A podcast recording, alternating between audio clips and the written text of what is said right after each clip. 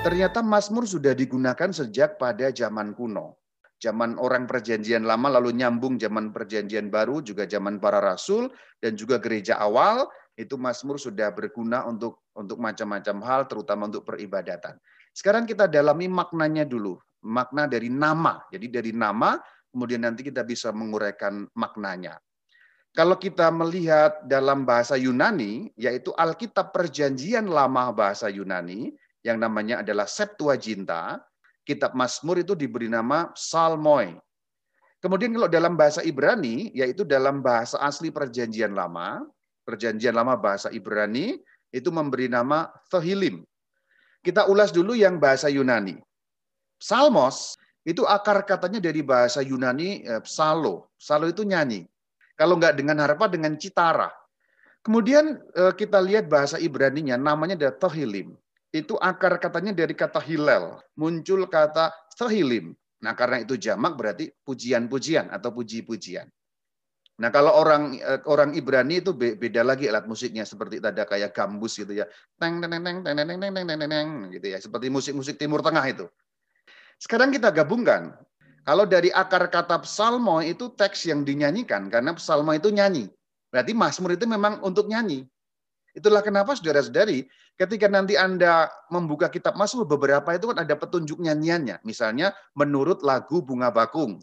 Memang lagunya sudah nggak kita kenal sekarang. Mazmur yang kita rangkai dari nama menurut Ibrani dan Yunani berarti puji-pujian yang dinyanyikan.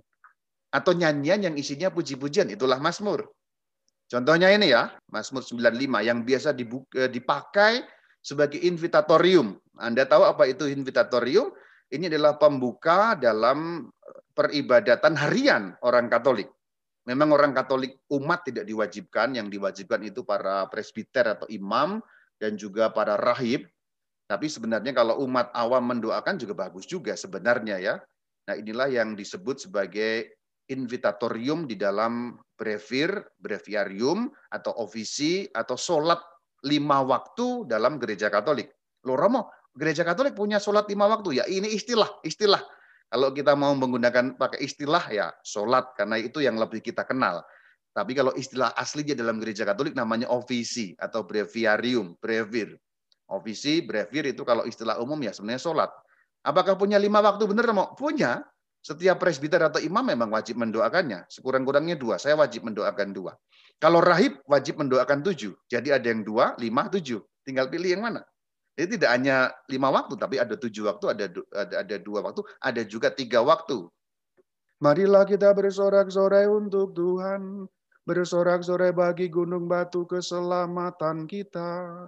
Biarlah kita menghadap wajahnya dengan nyanyian syukur, bersorak-sorak baginya dengan nyanyian Mazmur. Jadi sebenarnya dinyanyikan seperti itu kalau mendoakan Mazmur. Marilah kita bersorak-sorai untuk Tuhan, Bersorak-sorak bagi gunung batu keselamatan kita. Biarlah kita menghadap wajahnya dengan nyanyian syukur. Bersorak-sorai baginya dengan nyanyian Mazmur. Itu ada nadanya Romo ada. Kalau Anda punya buku puji syukur, di bagian-bagian depan itu ada pola-pola lagu untuk menyanyikan Mazmur. Jadi Anda bisa mempelajari pola-polanya lalu menerapkannya. Kemudian lanjut, eh, siapa pengguna Mazmur? Ada dua yaitu orang Yahudi dan orang Kristen. Yang dimulai dari zaman para rasul. Para rasul sudah menggunakan Mazmur-Mazmur.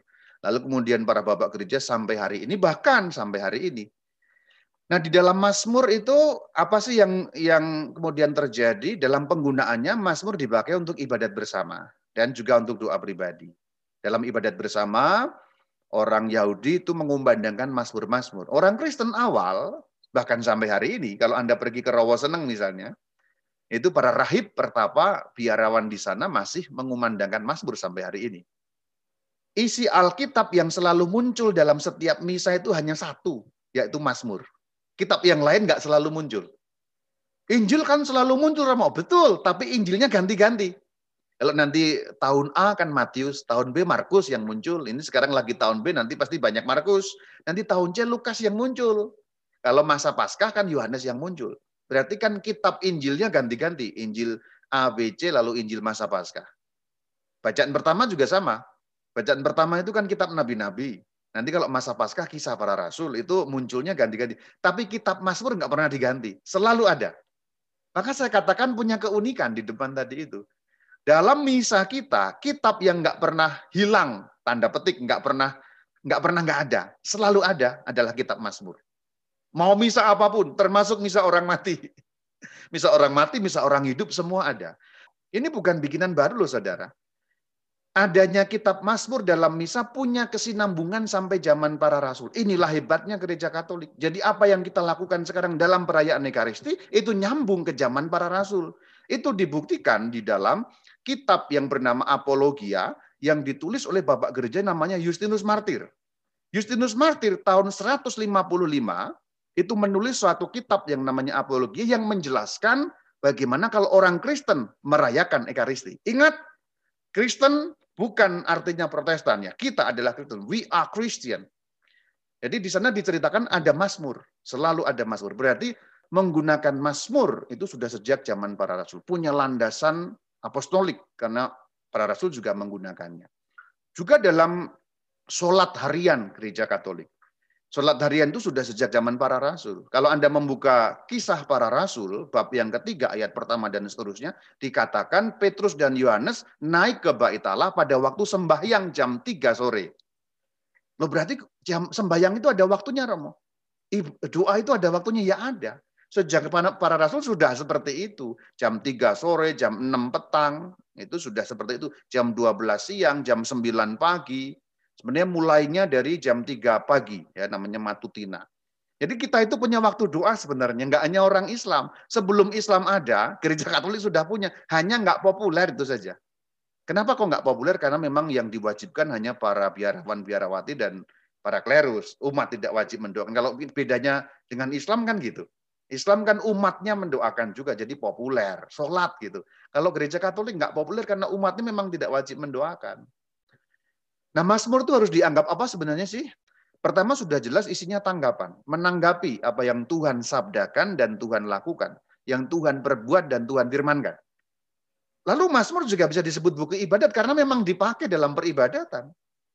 Dalam misa dipakai, dalam brevir atau ofisi atau sholatnya orang Katolik dipakai. Tapi sekaligus Alkitab memang memuat kitab Mazmur. Berarti Alkitab karena memuat kitab Mazmur berarti Mazmur termasuk bagian Alkitab. Apa yang termasuk bagian Alkitab? Ya firman Tuhan berarti. Berarti sekaligus bisa dianggap tanggapan manusia, dianggap buku ibadat, tapi juga bisa dianggap firman Tuhan. Dan hakikatnya Mazmur memang firman Tuhan. Firman Tuhan yang diinspirasikan kepada manusia, supaya manusia bisa menggunakannya untuk beribadat dan menanggapi firman Tuhan. Jadi Mazmur ini menarik sekali. Tuhan memberi inspirasi kepada manusia untuk menuliskan Mazmur supaya dapat menanggapi firman-Nya.